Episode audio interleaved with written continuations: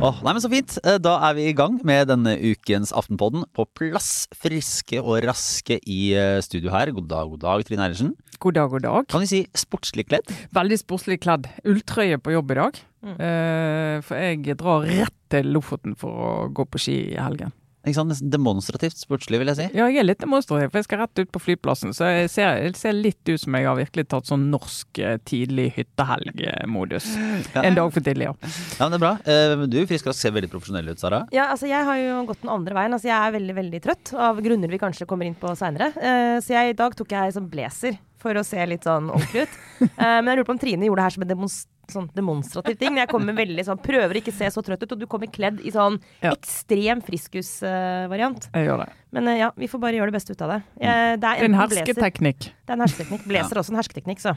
Ja. Strengt, ja. Ellers alt vel. Eh, Kjetil, eh, god dag, god dag. God dag, Kledd relativt på ditt sånn standard flotte nivå. Takk. I Ja. like måte. Ja, takk, takk, takk. Kjetil ser ut som Kjetil. Ja. Ah, nei, men det er godt. Uh, takk for i Du har jo på deg en islender eller noe. Ja, ja, ja. ja det er veldig, veldig folkelig og litt sånn mykt. Det, det, det gjør seg. Jeg tar liksom, holder på varmen fra, fra liveshowet vårt i går kveld. Ja, det var veldig gøy. Takk til alle Vi som kan kom. vel si det var, um, det var såpass gøy og såpass visuelt at det egentlig ikke kommer til å funke som en faktisk podkast som vi kan, kommer til å sende. Nei, for får... det, det ser jeg godt, men det spør om blir dette lagt ut. Og jeg tror ikke det vil være faktisk gøy å høre på det. For det var, som du sier, mye bilder og sånn som vi satt og snakket om, og de kan du jo ikke se. Og mye latter i salen av bilder som ikke blir kommentert. Og for det er klart, vi går jo inn i vår egen chat, vår egen WhatsApp-chat, som løper egentlig 24-7. Der ting blir kommentert og lagt ut, og gøye ting fra internettet. Instagram og Facebook legges jo der, og så tar vi det med på, på sending, holdt jeg på å si, på forestilling.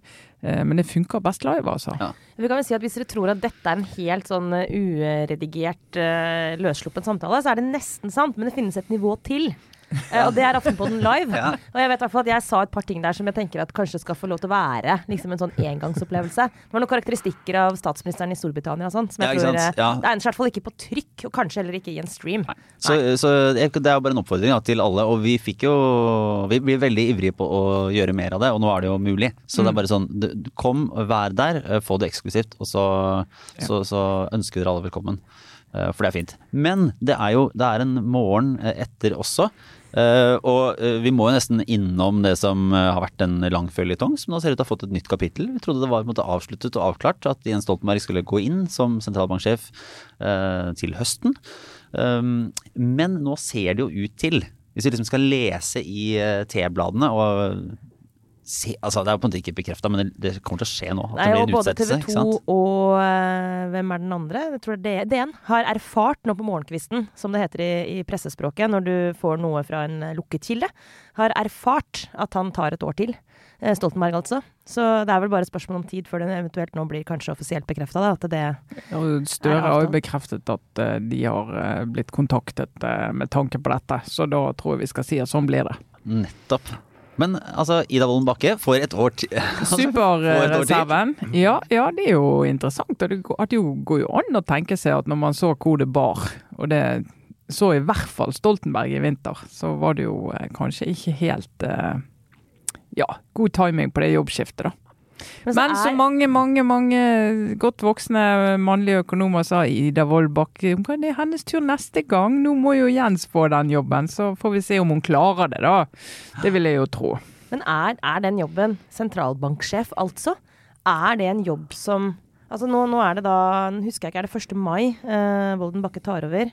Ja, hun har tatt over. Ja, hun tok først, Ja, ja. hun gjort det allerede. for, for, I dag har hun satt Første opp eh, renten for første gang. Nettopp, Mm. nettopp. Som fungerende sentralbanksjef. Så det betyr at hun skulle uansett sitte da i et halvt års tid. Nå blir det i hvert fall ett og et halvt år. Um, og alle som har vært sånn konstituert og fungerende og sånn, vet jo at du, du driver altså, du driver sjappa, men du kan ikke sette i gang så veldig store ting uh, i den perioden. Altså, det er et eller annet med at En hel organisasjon blir jo preget av at toppsjefen egentlig ikke sitter med den reelle gjennomføringsmakten. da. Eller Hvis du sitter så lenge som hun nå skal gjøre, for vi snakker jo inn i neste høst da, i så fall, Ja, for det er det som er spørsmålet, ikke sant? så må jo hun få mandatet til å operere som om hun er sjef. Og så får jo heller Stoltenberg komme og si at eh, greit, nå ble noe lagt mens jeg eh, drev med andre viktige ting. Det, sånn får det bare være. Og jeg tror ikke hun er så på jordet at hun setter i gang ting som han vil være uenig i. Hun kan jo den banken mye bedre enn han. Det ville vært verre hvis det var omvendt, egentlig. At han skulle fungere for henne en periode. Ja. Men det er likevel en litt, litt rar ting altså sånn, det er, at, at et så tungt verv, eh, hvis det blir sånn som det ligger an til nå, kan ha en sånn type vikar i så lang tid. ut, særlig ut fra den debatten, men der eh, det var snakket om hvor viktig den stillingen er, og hvor viktig det var å få en, eh, en som skal, virkelig kan være sjef for sentralbanken og styreleder for oljefondet. Og Og som må ha internasjonal erfaring. og så kan, er, det, så er den internasjonale erfaringen så viktig at du ikke har tid til å ta den jobben. så, Ja, det- nei, nei, det er jo interessant, for det hadde jo gått an å se for seg at sier greit, den, det, denne, bank- denne rollen er så viktig at da må vi si sorry, Stoltenberg. Det, sånn er livet. Nå må du gjøre ferdig den jobben du er i, og så får vi fortsette her i Norge med sentralbanksjefjobben, og så får du komme tilbake og Men finne her- på noe annet å gjøre. Ja, men det var jo på et eller annet tidspunkt her tidligere i våre diskusjoner så, om, om denne saken, så var det jo Jeg tror vi fikk, du fikk en tilbakemelding, Kjetil, fra en, øh, fra en eh, hva heter det, nå? Stats, øh, statsforvalter. Eh, som, som ble litt snurt over at vi på en måte tok lett på, på de ulike rollene. Men det, i, som statsforvalter, tidligere fylkesmannrollen, har jo vært sånn som du kan få to år i forveien. Og da sitter jo noen og holder på. Sånn som Bent Høie var jo helseminister eh, i lang lang tid etter at han hadde fått jobben som statsforvalter i Rogaland. Og, så, og sånn har det vært flere tilfeller, eh, eksempler på når det gjelder statsforvaltere. Og så er spørsmålet er det egentlig en god løsning for den institusjonen. Og det er det jo ikke. Nei. Det er en god løsning for den personen som da har en uh, fin jobb som venter når det er ferdig, som i i rikspolitikken. Men er det det hensynet som skal veie tyngst? Det er jo det som veier tyngst. Du tar også hensyn til et enkeltindivid fremfor en arbeidsplass og en organisasjon. Det er en uting. Det er ingen nyanser. Det er en uting. Men jeg tror at Ida Wolden Bakke vil jo gå da rett inn og ta det ansvaret hun har som sentralbanksjef. Ja. Når hun fungerer, så må hun fungere. Da kan hun kan ikke sette organisasjonen på vent til at Nei. Stoltenberg skal være ferdig med å lage fred i Så skal hun da bruke en god tid når han kommer, og så lærer han denne banken. Det tar jo fort noen måneder, det også. Det blir De seks årene eh, blitt Plutselig har det gått seks år, men da er det jo hennes tur ifølge flere. Så kanskje hun er kvalifisert da. Hvem vet. Ja. Men det er i hvert fall sånn at uh, hensynet til uh, de oppgavene som ligger i den stillingen, må veie tyngre enn hensynet til de ja, For så vidt både Jens Stoltenberg og Ida Wolden Bakke. Altså det, hvis, det er en, hvis det hemmer arbeidet at den stillingen nå er bare midlertidig besatt, ja, men da må bare noen, finansministeren, ta grep rundt det. Altså, det går liksom ikke an å tenke at vi skylder Jens Stoltenberg at han skal ha den jobben eh, den dagen det blir fred i verden, liksom. Altså, det er bare et eller annet med det som er helt sjukt. Det, det, det er helt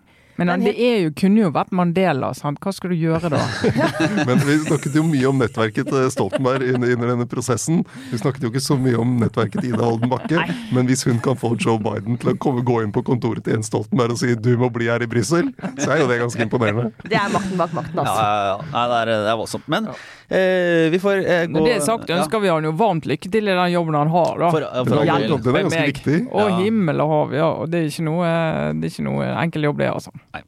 Men eh, vi, får gå videre, for eh, nå har eh, det har kommet altså det som eh, ofte kalles Altså det som heter velgerundersøkelsen.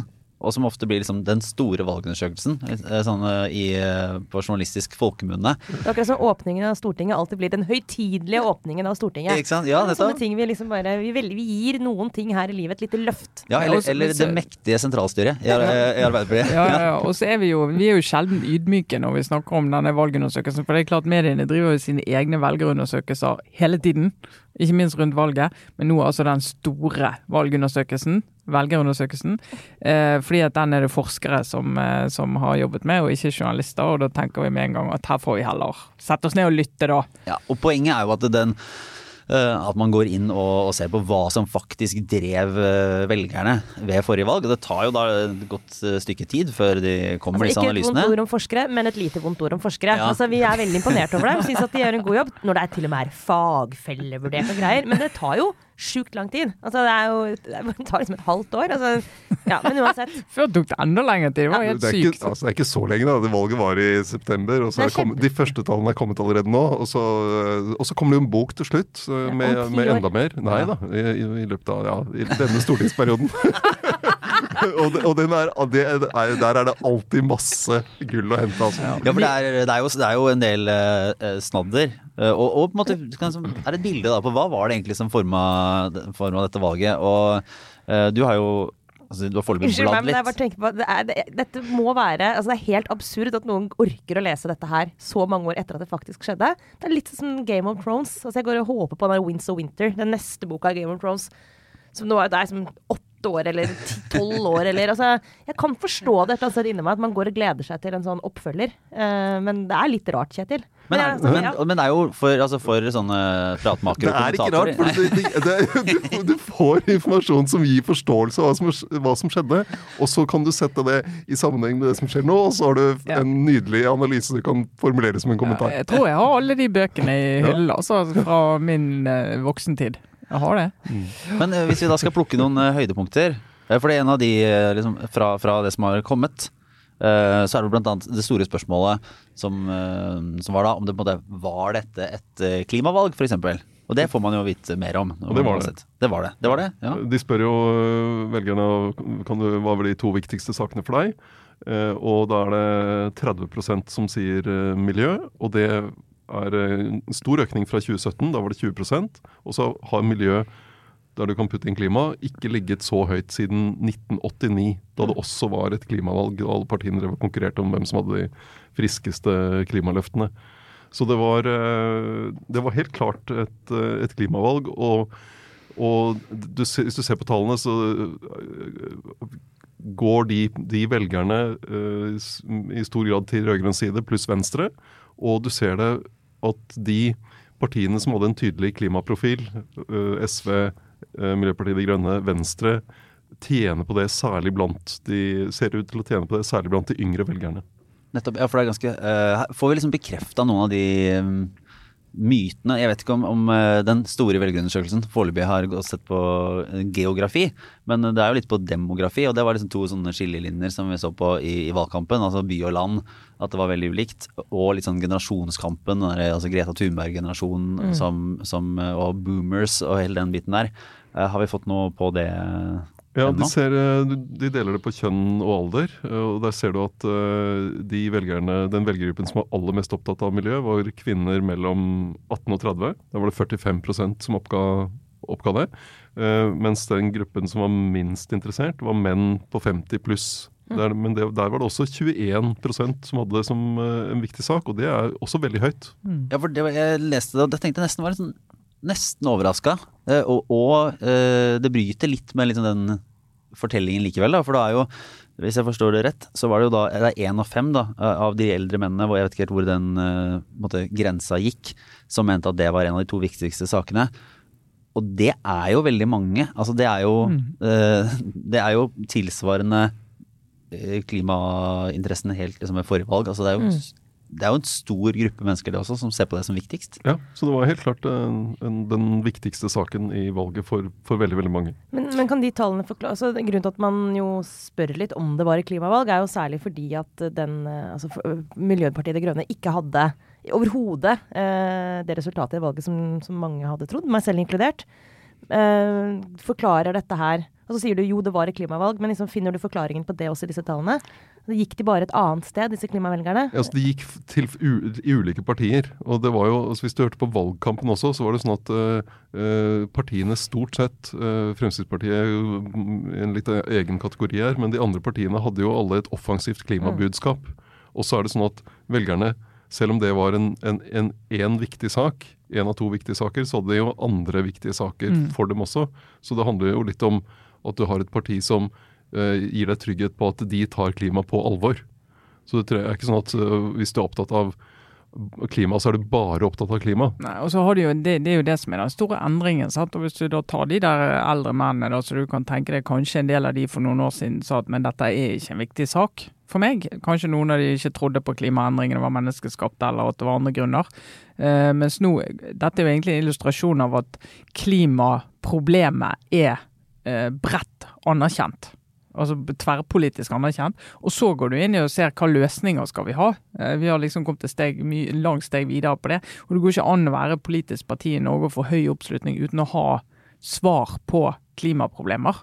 Eh, så vil noen mene at de svarene er gode, de svarene er gode. Sånn at den er litt gammeldags at her har du klimapartiene. Sånn er det ikke lenger. sant? De klarer ikke, de kan kapitalisere på det hvis de gjør veldig riktig, men i og med at Høyre har klimapolitikk og KrF har klimapolitikk og alle har klimapolitikk, så blir det mye vanskeligere å ta ut de enkeltgevinstene. Men Men det er jo også sånn, MDG var jo da, jeg vet ikke hvor mange hundre eller uh, få uh, tusen stemmer som gjorde at de gikk under sperregrensa og dermed ikke fikk en omtrent tre ganger så stor gruppe. Uh, så ville det kanskje sett litt annerledes ut hvis de hadde bikka over akkurat den. Men så er det litt sånn omstendighetene da, fra siste halvåret har jo også gjort at klimaspørsmålet, i hvert fall som sånn rent sånn, klimasaken i seg sjøl, mm. virker å bare ha drukna i fryktelig mye annet. Er det, er det, er det som ligger den der i bunnen av de viktige sakene, eller er det sånn at uh, man starter for de som vil ha klimaspørsmål opp, da? At man liksom starter på gått, om ikke tilbake til start, men liksom rykka tilbake pga. alt det som har skjedd siden? Altså Nå, nå kommer jo klimasaken inn i andre saker på en annen måte. Sant? For eksempel, Han var jo inne i, i strømkrisedebatten. Eh, sant? Du diskuterer hva skal vi gjøre med vindkraft, vindkraft til havs, hvordan skal vi fordele den energien, hvem skal få tilgang til den. Og nå er han jo inne i den sikkerhetspolitiske diskusjonen. fordi at En av de store utfordringene er at Europa er så avhengig av russisk eh, gass. Eh, og olje. Eh, og så sier du liksom hva bør vi da egentlig få fart på eh, det grønne skiftet, hvor vi går over til fornybare energiformer. Sånn at plutselig er jo klimapolitikk inni det, uten å være en sånn Og egentlig er jo det bra, ikke det, Kjetil? At det, fremfor å være sånn isolert politikkområde, så er det nå det det i realiteten er det en del av alle politikkområder. Ja, det blir jo mer, altså, du, du må jo, Klimapolitikken må jo være konkret. Du må jo gå inn i hva gjør vi da med energipolitikken, hva gjør vi med avgifter, mm. sånne ting. Og det, Den debatten har vi jo hatt, og har vi nå, da, med, med, med høye bensinpriser og sånn. Hva skal man gjøre da? Skal man kompensere folk? Hvordan gjør du det uten at du stimulerer bruk av fossil energi? Uh, og så har du Signalet fra EU er jo veldig tydelig på at ok, vi må løse en akutt krise nå, men det betyr også mer sånn halvlangsiktig og langsiktig, at man må akselerere den overgangen til eh, fornybar energi. Hva skal Norges rolle være oppi det? Så vi får færre sånne oppheta diskusjoner om uh, sånn kjøttfri mandag i, i Oslo kommune? det kommer ingen til å være veldig lei seg over. Men, men, men, klima var andre saken. Altså Når vi ser på hva var viktigst for velgerne. Nei, det var den viktigste. Det var den viktigste. Mm. Hvordan gjorde liksom ulikhet det? Ulikhet, skal ja. vi se. Det var uh, nummer fire på, ja. på, de tallene. Eller tre eller fire. Delt tredjeplass med helse. Nettopp. nettopp. Og helse er klassisk sånn som er uh, Helse er tidligere alltid topp tre. Sant? Ja. Og skatter og avgifter var nummer to. Ja, og det, og det, men det, er, det, kan jo tolkes begge veier, da. For det kan jo på en mm. måte fange opp litt fra ulikhet. For mm. en, det litt høyre-venstre-aksen, sant. Ja. Mm. Det er likevel interessant at helse altså Tross alt, altså, i den i den situasjonen vi var i, med, da var det vel halvannet år omtrent med, med pandemi, eh, som folk hadde vært gjennom før de gikk og, og stemte, at helse likevel ikke liksom, ble den viktigste saken. Det kan man også tenke at det er også litt interessant. Men da var vi kanskje allerede liksom, på vei over i at vi hadde håndtert pandemien på et vis. Da. Eh, men liksom, hele, den, hele den følelsen av at det vi trodde var et veldig godt og solid helsevesen, Kanskje ikke var det likevel. I hvert fall var det ikke godt nok til at vi klarte å holde hjulene i gang gjennom uh, pandemien. Og det hele den erfaringen av at intensivavdelingen osv. Liksom plutselig sto og knaka i sammenføyningene. Mm. Jeg vil kanskje gjette at det ville gjort et, liksom et, et hardere Men den diskusjonen kom jo mer etter valget. Ja, det er, det kan, den, ja. For den kom i runde to når vi var på vei inn i en ny nedstengning. Så var det herlighet, har vi ingenting lært ja. uh, disse to årene? Skal vi, skal vi, virkelig stenge hele Norge fordi at vi ikke tåler et par hundre ekstra intensivpasienter? Så ser du, ser på tall, De tallene viser jo litt hva var det egentlig som skjedde i dette valget. Altså Én ting var det at miljøet gikk så veldig opp, men hvis du ser på sosial utjevning, så var jo det ved forrige valg var det bare 6% som mente at det var viktig. Nå mm. var det 15 Og på distriktspolitikk, forrige valg så var det bare 9% som nevnte det. Nå var det se, 14 mm. Og det var jo noe av den bevegelsen, hele, hele, noe av det som lå bak det rød-grønne mm. eh, flertallet. Det er interessant da at ikke det er eh, ulikhet som er sannsynligvis driveren bak at uh, rød-grønn side gjorde det såpass bra.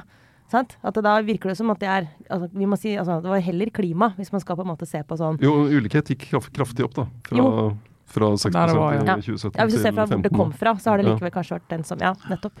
Men eh, det, det kommer jo på sånne enkeltanalyser på partier og alt mulig rart. eh, Det får vi kanskje krydre eh, våren med etter hvert som eh, dataen eh, når oss. De neste tre årene, si. Ja, ja, ja. Vi kommer tilbake med en gang ut i 2025. Nei, men, eh, men det er jo bare det er en- et punkt her som, som gjelder et av de partiene som, som da ikke kom seg over sperregrensa, nemlig KrF.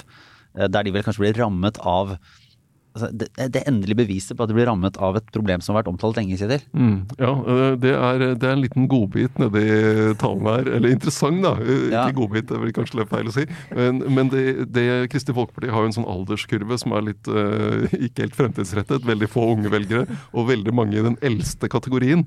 Og så har de da greid å finne noen tall for folk som øh, hadde stemmerett ved valget i 2017, men som ikke hadde stemmerett ved valget i 2021. Ikke sant? For vanligvis så gjør du jo den analysen sånn De som ikke hadde stemmerett i f.eks. Eh, 2017, men hadde det i 2021, altså førstegangsvelgerne. Ja. Men dette, og det Poenget her er jo hvorfor er det du mister stemmeretten fra 2017 til 2021? Jo, Noen bytter jo statsborgerskap, men det store, den store gruppen der er de som dør. Og problemet for KrF var at de er, de er tunge i den, den gruppen som mister stemmeretten før neste valg. Altså sistegangsvelgeren. Og det er et problem for Kristelig Folkeparti. Hvis ikke de gjør noe med den demografien der, så betyr det bare altså ut fra de tall, det, De bare kommer til å bli mindre og mindre og mindre til slutt bli helt borte. Ja, Helt borte tror jeg aldri KrF blir.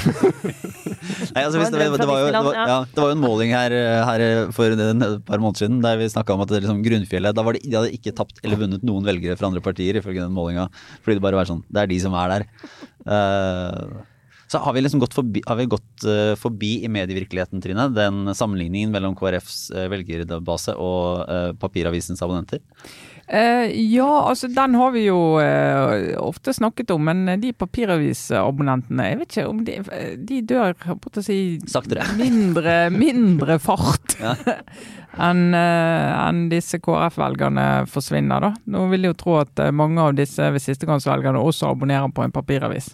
Det vil jeg tro. Så det er nok en eh, viss korrelasjon her. Samvariasjon. Det er Ja. nok Men ikke kausalitet. Nei. ikke kausalitet Du dør ikke fordi du er abonnent på papiravis.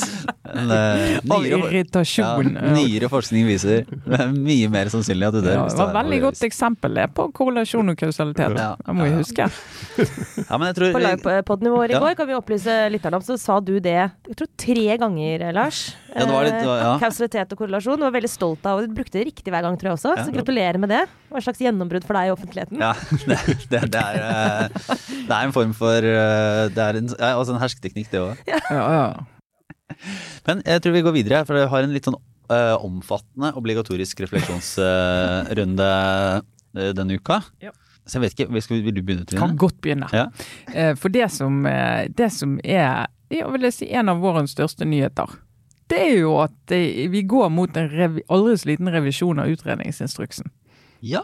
Aldri så liten. Sånn at uh, dette kom jeg over fordi jeg var med i en annen podkast. Hva? Eh, ja, jeg var gjest.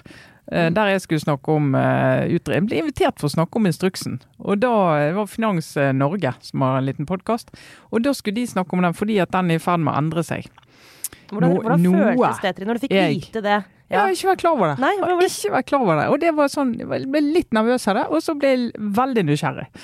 Så den, som, som vi alle husker, utredningsinstruksen den skal jo sikre at eh, politikere og forvaltning tar gode beslutninger. Eh, og setter i gang gode prosjekter, og da skal de utrede, sant. Hva effekter får denne beslutningen på forskjellige mennesker og interesser? Kunne vi gjort det på en annen måte enn det vi først trodde? Hva er egentlig problemet vi skal løse? Eh, Er det svaret vi tror er svaret? Er det det riktige svaret, eller er det noe annet? Vi må se på noen alternativer. Veldig fin liten liste på seks spørsmål. Og nå har de sagt det er nok med utgangspunkt i Nav-skandalen og litt sånt, for dette har an, eh, handlet om innenriks problemstillinger, innenrikspolitiske beslutninger, og ikke gått på alt som skjer eh, ute i verden. Eh, Men så etter Nav-skandalen og sånn, så har de funnet ut at mm, vi må få instruksen til å gjelde også EØS-rett og EØS-saker.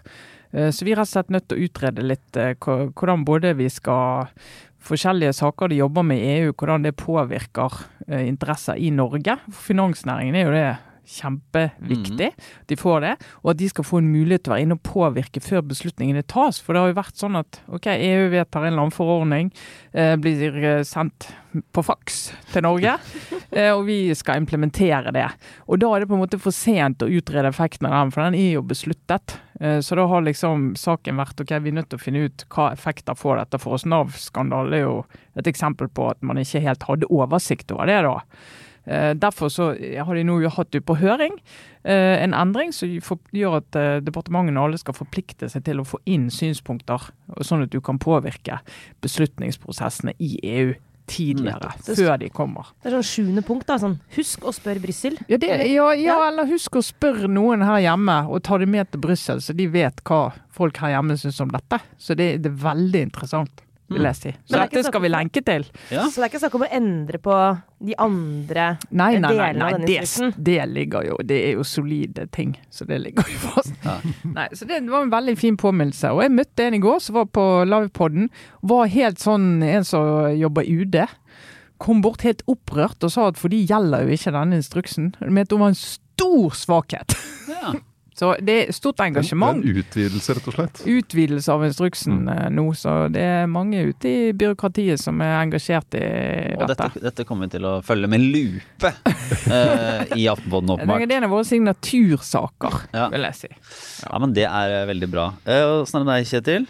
Jo, bare først Jeg bare kom på med For å hoppe tilbake litt til den store valgundersøkelsen ja. og det der, når, hvordan vi tolker resultatene når miljøet kommer så høyt opp med 30% så er det jo Vi vet jo ikke mot hva som ligger bak hva hver enkelt har svart. Eh, eh, det kan jo være noen altså, Det er jo mange som har engasjert seg mot utbygging av vindkraft f.eks. Mm. Det er en miljøsak og inngrep i naturen. Mm. Så det kan også være Eh, noe som har, eh, gjør at du sier ja, miljøet var viktig for meg. ved dette valget. Eller sånn, jeg vil ikke ha kjøttfri mandag eh, på rådhuset. ja. Eh, ja. da tror jeg kanskje ikke du ville svart på den måten. Men, men, sånn inngrep i naturen, det kan Ja. Så det er bare no to self, egentlig. Mm. Mm. Forsiktig med å tolke sånne svar. Jo, jeg, jeg syns det er interessant Eh, en obligatorisk refleksjon her rundt eh, debatten om EU og Nato eh, nå etter den russiske invasjonen i, i Ukraina. Der det er flere som, av de som da er imot Nato eller imot EU-medlemskap, som syns det er upassende at andre som er for Nato og for EU-medlemskap, tar opp det i den konteksten. Blant annet Eh, Rødt har jo nærmest sendt det signalet, og Marit Arnstad, parlamentarisk leder i Senterpartiet, på Politisk kvarter i dag. Og eh, hun, eh, nå må dere hjelpe meg litt, Åsa Lindeborg, er det det, i Norsken, svensken og dansken, som mm. syns det var veldig vanskelig å være Nato-motstander i det klima, debattklimaet som var nå. Og det er sikkert noen som har dratt den type argumentasjon ut i det absurde.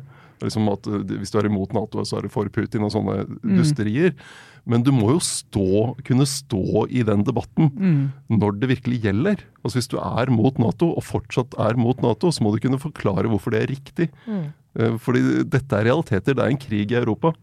Og det, det som var helt merkelig å høre på, var Marit Arnstad i Politisk kvarter i dag om EU.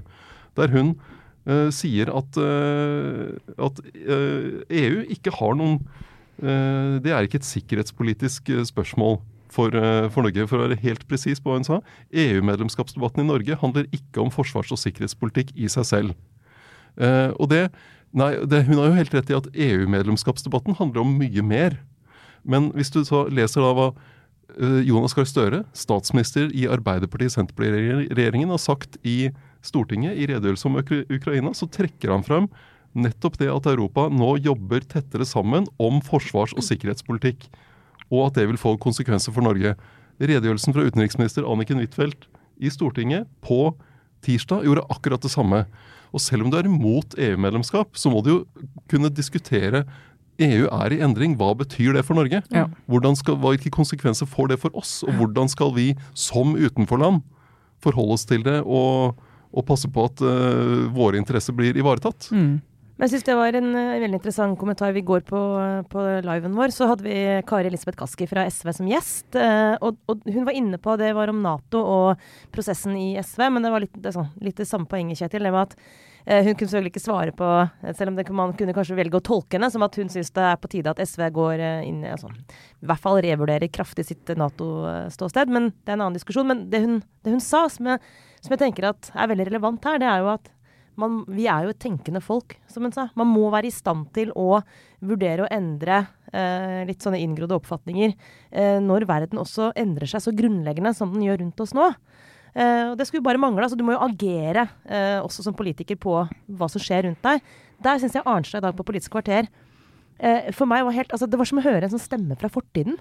Altså Insistere på at EU-debatten er den samme, når den jo overhodet ikke er det. altså Når verden er når dette har skjedd, altså For to måneder siden så det annerledes ut. Det gjør det ikke nå. Ja, og der syns jeg hun er svak. Og så bare for å minne om det. altså EU ble jo startet som et sånn eh, handelssamarbeid. sant? Altså Med utgangspunkt i at hvis du handler sammen og bygger tette relasjoner langs mange dimensjoner, så vil du ikke krige mot hverandre. Og så har det utviklet seg utviklet seg. Men sånn så kan du jo si at indirekte var jo et sikkerhetspolitisk initiativ den gangen. Og så kan du diskutere hvor mye sikkerhetspolitisk felles sikkerhetspolitikk de har, men det går i hvert fall i en retning som åpenbart får konsekvenser konsekvenser for Norge. da. Men vi skal se sånn eh, på den debatten som foregår i det partiet, og jeg syns jo Kaski snakket eh, interessant om det i går. For SV holder jo nå faktisk på med ny Nato-debatt i det partiet, har satt det i gang. Eh, og, det er jo vanskelig for dem, for de har jo folk som har ment og var med å etablere SV fordi at de var mot Nato, og fordi nå liksom sier skal vi liksom se på det standpunktet. Klart det er ikke lett, eh, men som hun også sa, vi har folk som har kommet inn de siste årene, de har jo ikke reflektert over dette i det hele tatt, for det har bare vært en teoretisk problemstilling. Og så tar de det på alvor. og Det syns jeg er bra. Eh, og da syns jeg liksom fra, hvis du ser en del av høyresiden, da, og bare for å si for min del, som har vært aldri har tvilt et sekund på at Nato is a good thing, og heller aldri har tvilt et sekund på at EU er en god ting. Eh, og så eh, tenker jeg at sånne som meg, og sånne og folk som er veldig overbevist over det, må også ta inn over oss at eh, jeg tror mange av oss ikke har vært reflekterende nok underveis på hva endringene i f.eks. Nato har eh, har betydd, og at vi også bør diskutere vår egen politikk gitt i. Altså når du tar den out of area-fasen til Nato, hvor du går rundt, altså, og det å få en levende diskusjon om det i Norge, det tror jeg mange av de mest ihuga Nato-tilhengerne har ikke vært interessert i den diskusjonen. Og tenkt nei, Nato det ligger fast. Og det går an at det ligger fast, men samtidig diskutere det. Eller diskutere hva det betyr for Nato når du har en president som Trump. Så du ser at alle som er Eh, bekjenner seg til norsk Nato-medlemskap, liksom, jeg ser jo at det er et problem. Jeg har ikke så veldig lyst til å snakke om det. Si det høyt. Eh, og det gjør jo, da kan du ikke nå liksom si Eh, da kan du ikke nå liksom kreve at alle som har vært født og oppvokst og flasket opp på Nato-motstand over natten, skal bare si at 'å herregud, jeg tok feil, jeg har tatt feil i alle disse årene'. Du, du kan ikke ta mer eller mindre feil. Altså, du har kanskje nødvendigvis ikke tatt feil, men analysene våre må jo endre seg når virkeligheten endrer seg. Men da gjelder det, tenker, det fra begge kanter? Ja, det gjelder fra ja. begge kanter. Og da tenker jeg hvis du da sitter på høyresiden og liksom vært helt sånn enøyd mot det, da er også de som nå sier at uh, gått ut på venstresiden, som har liksom sagt ja, den liberaliseringen og 90-tallet jeg hadde rett hele tiden. Det var helt feil. Det var helt feil, og nå er vi tilbake igjen med mer regulering og, og denne internasjonal handel og globalisering. Jeg har alltid vært imot deg. Det kan du godt si, eller du kan si at det var en fase der det var utrolig viktig at du hadde den internasjonaliseringen og globaliseringen, fordi at både, det, var helt, det var det folk ønsket i disse landene som var ferdig med den kalde krigen, eh, og det har gitt økt velstand i faktisk hele verden. Og så ser du at pendelen svinger et sted hvor du ikke klarer å ta vare på de som har tapt på globaliseringen i mange land. I Norge har vi klart det, eh, men i mange land har du ikke klart det. Og så må du diskutere det. Men å hele tiden være en sånn som sier at se, jeg, jeg hadde faktisk rett i 1980, jeg. Det viser dagen i dag. Eller jeg hadde rett i 1990, eller jeg hadde rett i 2005. Du må bare si at ja, der der, der traff jeg. Nå endret det meg for tidlig. Men det gjelder begge sider av det mm. politiske spekteret. Altså, nå kan ikke liksom alle bare si at det er bare venstresiden som sliter, for det er det virkelig ikke. Men det er jo hele den der, det er veldig fristende å gå inn i en veldig polarisert diskusjon når verden er så dramatisk og ekstrem. Men jeg kan si akkurat nå virker det som det er en forskjell på partikultur i Senterpartiet og SV. da, at Det virker som i SV, så hvis man i hvert fall ut fra det Kaski beskriver det som, så er det en er det en prosess som handler litt om å prøve å se om det går an å omstille seg. Mens en så langt, da, så, så hvert fall skal vi tolke ut fra det, eh, den opptredenen til Arnstad på Politisk kvarter i dag, så i Senterpartiet så er det litt mer sånn Her mener vi det vi alltid har ment, liksom punktum. Og sånn over tid så blir det et litt mindre interessant uh, Men så var det vel også et poeng at uh, Hva skal være det? Det er nå eh, overdriver jeg, for jeg ikke husker de nøyaktige tallene. Eh, men liksom 90% som er eh, for Nato i Norge, og eh, omtrent det samme som er mot EU. Så det er jo også en sånn politisk strategisk forskjell på, på å skulle liksom omstille seg til de prosjektene. Da. Det er sånn et eksempel på en av de andre debattene da, som, der du bør ha en bevegelse nå. eh, Det er jo Senterpartiet har hele veien lenge vært opptatt av kornlagring og matberedskap og sånn. Der tror jeg du ser nå, både gjennom den usikkerheten som at det er, kan faktisk bli krig i, i kornkammeret eh, i Europa, eh, og at du, du får de rapportene om klimaendringer som gjør at her kan du få en Det går i retning av større matusikkerhet i verden. Det må jo gjøre at andre partier også ser på ok, dette er faktisk en reell problemstilling, og har vi, har vi tenkt godt nok om den? Ja, og, og, og, og ikke bare avskrive han som ja, men Det er jo ikke rart at Senterpartiet mener det, for de er jo alltid opptatt av bøndenes sak. sant? Og Det tror jeg, det er jo Ja. der mange har vært, men de må også se ok, var det riktig? Det, eller det var kanskje riktig da, men er det riktig nå? Men det gjelder jo òg hele den der eh, Hvorfor har vi ikke nå så og så mange hundre tusen soldater stående klar hvis noen skulle invadere oss, og hvorfor har vi ikke brukt, eh, bygget forsvarsbudsjettene raskere i hele Europa og alt det der? Det er jo ikke rart. Altså Etter den kalde krigen hadde jo alle landene, Tyskland, Frankrike, Norge, vi hadde jo lyst til å bruke penger på gratis eh, barnehager, velferdsstat, skoler, veier. Og så liksom endelig slapp vi å liksom ha den opprustningslogikken som vi hadde før det. Og så gjør du det, og så går det, tar det jo lang tid å snu det. Og det skjer jo I Tyskland skjedde det på en helg. Så snudde du det og sa ok, yes, vi må ruste opp. Eh, og det er jo, Så kan du si ja, vi burde ha gjort vi burde, Ja, vi burde hatt en milliard munnbind klar i mars 2020. Vi hadde ikke det, for det var ikke en krise vi så for oss. Vi burde ha, vi burde ha. Men sånn er jo ikke politikken. Sånn. Vi klarer å forholde oss til den krisen vi står i. Det handler jo beredskap om at du skal være forberedt på at ting kan komme. Og der tror jeg vi i Norge har lært masse. 22. juli, pandemi, og nå krigen i Ukraina. Er beredskapen vår for her og nå, eller tenker vi fremover nok på hva som kan skje? Men altså for noen eh, Altså den derre veldig eh, crude awakening-følelsen disse årene her jeg tenker, Hvis vi tenker at vi er ti år fram i tid og ser tilbake på disse årene, så er det jo liksom Altså det er noen sånne sjokkaktige uh, opplevelser rundt det. er ti år med beredskapsopplæring. Ja, rett og Det jo slett. det. Men, men eh, valgkampen i, fo- i fjor bar jo ikke preg av det. Nei. Da var det jo bare nye løfter om nye da, ting. ja. Ja, det er utrolig rart. Det er helt utrolig. Ja, og, du hadde, og, og reversering av en politireform som var Ja, begrunnet Gud, i det. bedre beredskap etter 22. juli. Ja. Tenk Så at vi diskuterte Tenk at det hele tatt og diskuterer den forbanna kommune- og fylkessammenslåingen. liksom. Når, når dette skjer rundt oss i verden, det er, sånn, det er pandemi og det er krig i Europa, kan vi bare la det der kommune- og fylkeskartet bare ligge der nå? Orker ikke mer av det. Hvordan er det deg, Sara? Har du en uh, OR denne uka?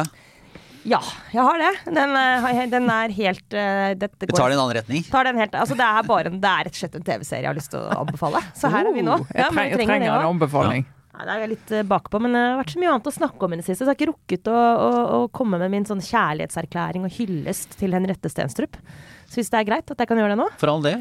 At, ja, vi orker det. Altså, og kanskje nettopp derfor, egentlig, fordi det er liksom krig og pandemi og alt mulig, så, så er det jo, som dere vet, ofte min trøst å, å se noe som er enda mer dark på TV. Men akkurat denne våren har gjort et lite unntak, eller gått liksom i den varme retningen. Eh, rett og slett fordi at sesong to av Pernie er jo ute. Sikkert mange som har sett den allerede. Jeg har ikke sett den. Jeg så sesong én og likte den veldig veldig godt. Og Ikke kommet i gang med veldig sesong bra. Jeg støtter deg, Sara. Altså, det er et eller annet med den altså, jeg, eh, Det eneste jeg holder mot den serien, er at den heter Perny. Ja, det er. Mm. Det er en forferdelig dårlig tittel, og det høres ut som noe helt annet enn det der. Og jeg skjønner bare ikke akkurat det. Og hvis, hvis noen av dere, som meg, eh, liksom tenker at dette høres ikke ut som noe jeg har lyst til å se, så bare se, se forbi den teite tittelen. Men eh, resten av den serien er helt fantastisk. Og det minner jo veldig om eh, en, som, en serie som heter Better Things, som Mm. jeg snakket om før òg. Som er lagd av en amerikansk uh, regissør. som er- Altså, den, er, den er helt fantastisk. Litt mørkere. Men den Better Things og, og Pernie har jo til felles at det er uh, rett og slett et, uh, det er rett og slett et, et kvinneportrett.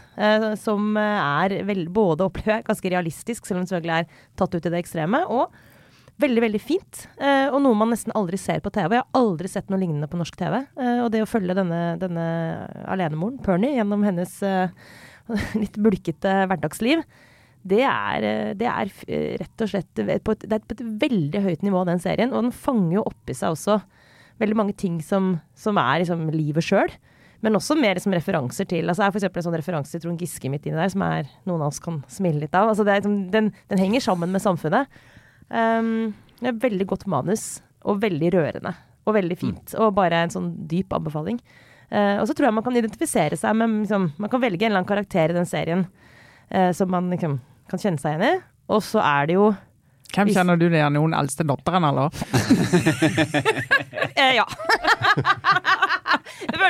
Men også, altså, at jeg kjenner igjen Altså, jeg kjenner jo igjen um, Jeg kan jo forestille meg um, noen situasjoner, ja. Som jeg også vet at kommer til å komme i mitt liv. Eh, rundt eh, tenåringsdøtre. Uten å, gå, uten å gå inn i utlevering av nære familiemedlemmer her. Men eh, ja. Eh, og så er det jo, hvis jeg kan bare runde av med å si, at liksom, det er altså Det portrettet av faren til hennes barn er altså så slemt. Mm. Og så presist. Og så vidunderlig nedslakting eh, av en type eh, mann som det var bare på tide at vi fikk inn i norsk Ja, offentlighet. det, var, det, var, det er nydelig, faktisk. Det er det. Ja. Kan bare røpe at han, er, eh, han er, befinner seg i, dette, i denne sesongen i, innenfor i virkelighetslitteraturen. Ja. Ja.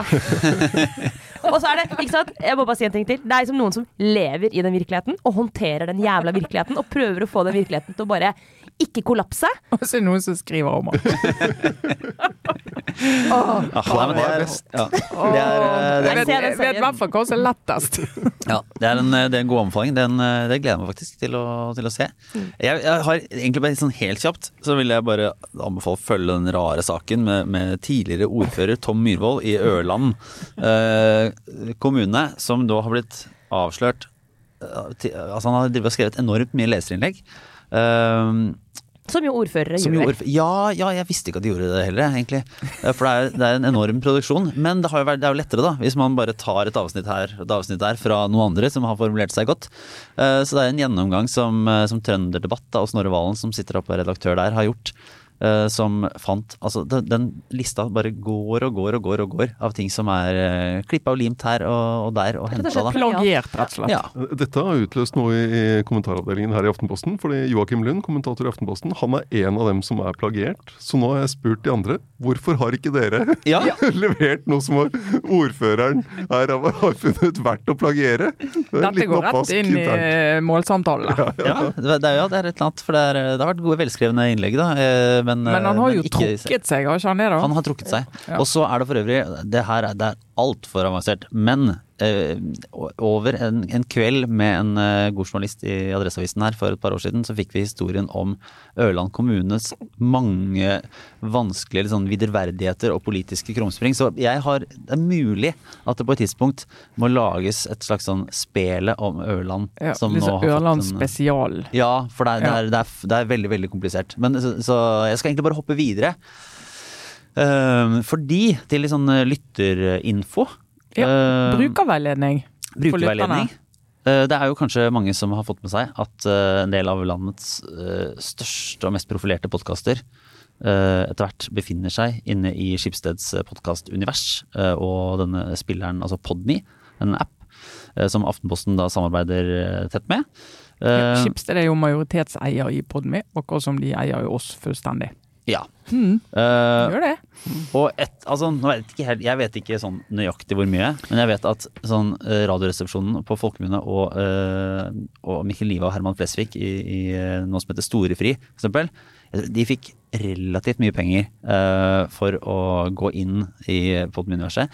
Jeg, jeg, jeg har ikke fått den derre Det må ha skjedd en eller annen sånn feil. For at de, har ikke, de pengene har, ikke, de har faktisk ikke kommet inn på konto. Lars. Har, altså, nei, fordi at vi, jeg, vet ikke, jeg vet ikke ennå om vi ender opp med, med bedre vilkår. Men eh, i, som en del av eh, hva skal man kalle det, den nye mediehverdagen, eh, og en eh, naturlig eh, overgang til, eh, til vår liksom, brukermodell for hele Aftenposten, som jo er at abonnenter har en fordel, Mm. eh, så kommer Aftenposten også om to ukers tid til å bli tilgjengelig eh, hovedsakelig på, eh, i Aftenposten-appen og hos Podme. Ja, Det blir- er det de gjør. Ja. Og hva, bare helt kort for å ta liksom begrunnelsen for at dette skjer. Dette er jo en stor endring nå i hva skal vi kalle det, lydmarkedet og podkastmarkedet. Da har vi liksom sett at eh, fra at det har vært sånn at masse masse folk og miljøer har laget innhold som man har kunnet fått eh, eh, gratis på iTunes, Spotify, på alle mulige spillere. Eh, og som har vært eh, reklamefinansiert. Så ser vi nå at eh, stadig flere store eksempler har jo vært Spotify, som har kjøpt inn mye eksklusivt innhold. F.eks. Joe Rogan, som eh, omtales som verdens største podkaster, eh, for å knytte til seg abonnenter. Vi ser at NRK, for å ta vare på data og lytting, de har episoder eksklusivt på sin spiller før de legger de ut på de store gratisplattformene. Og så ser vi at de kommersielle mediene, som vi tilhører, prøver å pakke pakke podkaster inn i en ramme som gjør at vi kan eh, finansiere dem. Og det er jo utgangspunktet. Og mm. derfor så eh, ser vi nå at stadig flere av disse spillerne blir abonnementsprodukter. Eh, eller du har abonnementsprodukter inni spillene. og Det er jo sånn det er de fleste av de, at nå En del av eh, innholdet må du betale for, mens resten det, der ligger jo alle de andre podkastene som man pleier å ha. Og Podny er jo en sånn mm. spiller. Men jeg føler litt at det var liksom når du går til legen, og så kan du forklare helsetilstanden min, og til slutt så bare er det sånn Men er jeg dødssyk? Så jeg bare, for det, det var litt vanskelig å forstå, Lars. For meg som ikke er, altså Betyr det at liksom, Aftenpodden blir borte alle andre steder? Må man høre den på Podme? Det tror jeg på vegne av lytterne. På vegne av lytterne. Ja. Det er uh, Vi kommer til å ha én én episode i måneden som er åpen, sånn som den har vært i dag. Og så kommer det til å være de resterende og eventuelle nye ting vi lager, eh, kommer til å være tilgjengelig eksklusivt og kun for Aftenposten-abonnenter, eller de som da også logger seg inn i, i Podme. Ja. Så man får fortsatt én i måneden hvis man følger med hver uke.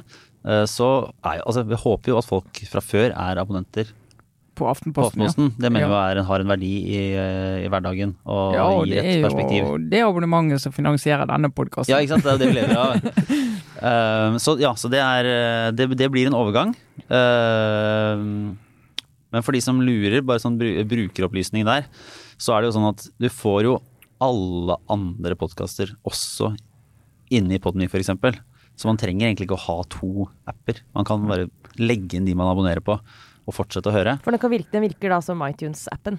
Ja da. Ja. ja her kommer, altså, for det, nå jeg er jeg redd for å ende opp som liksom, min egen foreldregenerasjon. Men uh, det er ikke så lett. Ja, endre vaner, nei. Nei, nei, nei. Vi har jo vaner, og vi har lister, og vi har liksom ting vi uh, følger og alt det der. Sånn at det er jo en uh, vaneendring. Ja, og jeg blir sur når uh, plutselig ting flytter på seg, og når jeg ikke har bedt om det. Det må jeg bare innrømme. Altså Når liksom sånne ting endres på. Så første reaksjon ja. er jo liksom, irritasjon og surhet. Og jeg husker jo når vi skulle begynne å sette opp betalingsplakater for journalistisk innhold ja. for noen år siden, sånn 2013-14-15 da ble jo leserne sur.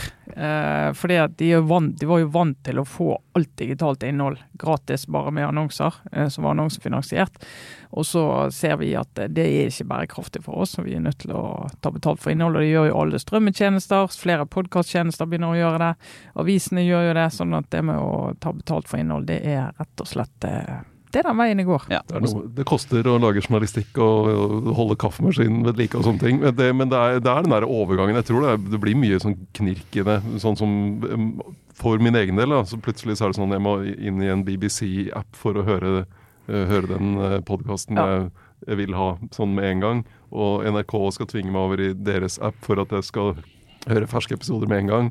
Så det, det er jo sånn irritasjonsmoment, så er jeg veldig spent på hva det betyr for det podkastuniverset som samlet mm. seg. Men det er jo, ja, men er, for å bare ta den sånn, som jeg faktisk mener, det er jo helt vilt egentlig at vi skulle drive og lage gratis innhold for iTunes og Spotify som bare kan få dette, og som kan på en som øyeblikksvarsel eh, bare ta ned uh, innholdet vårt, f.eks. De kan liksom mm. si at nei, vi vil, vi vil lage en egen podkast som folk skal betale for i iTunes, og den løfter vi opp og promoterer foran det som Aftenposten lager, f.eks. Så, så, det er jo liksom makromodellen har jo vært litt rar. Og, og i et sånt eh, fri journalistikk, demokrati, festtaleperspektiv, så er det faktisk ganske nødvendig at norske mediehus eh, sørger for å også ha, å eie sine, både sine egne data og mm. også sine egne plattformer. Distribusjon. Og distribusjon. Distribusjon, ja. Vi er ansvarlige for å sørge for at eh, folk får tilgang på vårt innhold. Men vi fikk jo en, et spørsmål fra en eh, annen podkast, Tut og mediekjør, som er en sånn mediekritikkpodkast som Svein Tor Bergestuen og Eva Sandum eh, har. De hadde fått et lytterspørsmål så hadde hørt oss snakke om dette. Eh, og lytteren lurte liksom på om dette var brudd på tekstreklameplakaten i Vær varsom. Eh, som eh, sier at eh, vi skal ikke sitte på redaksjonelle flater og promotere kommersielle produkter. Det er et veldig godt spørsmål. Eh, og vi har jo diskutert hvordan vi skal snakke om dette. Fordi at dette er et dilemma. Eh, og jeg tenker jo at som ansvarlig i Aftenposten er det min oppgave å få fortelle så mange som mulig hvordan de kan få benytte seg av vårt innhold, få lest det, få lytte til det. Eh, oppfordre folk til å bruke vårt eh, innhold, for det syns jeg er viktig. Det er på en måte min jobb. Men med en gang hvis vi begynner å snakke om liksom hva ting koster og rabatter og alt sånt, så da er vi inne i en sånn kommersiell kommersielt budskap som eh, vi skal være forsiktige med. Men vi diskuterer jo denne balansegangen, det må vi være åpne og ærlige om. Kan vi, ja, vi vi ønsker kan, å promotere ja. det innholdet vi lager, men vi, vi ønsker ikke å være selgere som skal fortelle hvilken abonnementspakke som Nei, da skal det jo merkes ja, som For da er det reklame. kommersielt budskap, da, vi- selv om det er vårt eget budskap. Men vi kan uh, informere om at hvis man allerede er Aftenposten-abonnent, så kan man bare logge inn i Podmy og har uh, muligheten til å bruke Podme. Absolutt, for det bruker brukerveiledning. det, det hører sammen. Så hvis du er Aftenposten-abonnent, så har du allerede innlogging der. Ja. Uh, bare gå til uh, aftenposten.no slash podme. Mm. Så så det er dette- vår lydplattform. sant? Ja. Det er en måte Aftenposten distribuerer lyd på. Og så skal vi informere mer om det praktiske, og eh, kommer til å få lagt ut en liten sånn eh, spørsmål og svar-runde på akkurat det der på Facebook-siden, og litt i nyhetsbrevet. Eh, så man kan jo Vi håper jo mange hører i Aftenposten-appen og, og er abonnenter og sånn fra det er åpenbart. faktisk veldig lett i Aftenposten-appen å høre på Eh, podkast, og du kan lese samtidig som du lytter. Og så er det noen uker som før det skjer. To uker i hvert fall. Og så håper og tror at denne liksom, endringen totalt sett gjør at vi får mer tid og mer muligheter til å utvikle nye ting også, da. Mm. Eh, og det er jo tanken at hele lyduniverset i Aftenposten og Aftenpodden skal kunne bli bedre. Mm.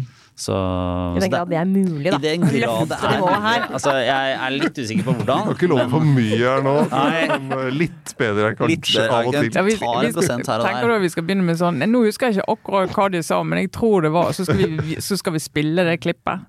Altså, det, det er mulig. veien, Det vi faktisk vi får jo, neste, neste uke så får vi blant annet noen veldig fine nye studioer. Så da slipper vi å sitte på et sånn uh, møterom med Gardiner. Med gardiner. Gardiner, ja. Så det, det skjer, jo, skjer jo ting. Men uh, uansett, Uh, vi håper jo folk følger med og, og oppfordrer alle til å gjøre det. Og så er vi tilbake neste uke i he, på helt vanlig måte med Aftenpodden da også, og ser hva som har skjedd. Så takk for oss. Ha det bra.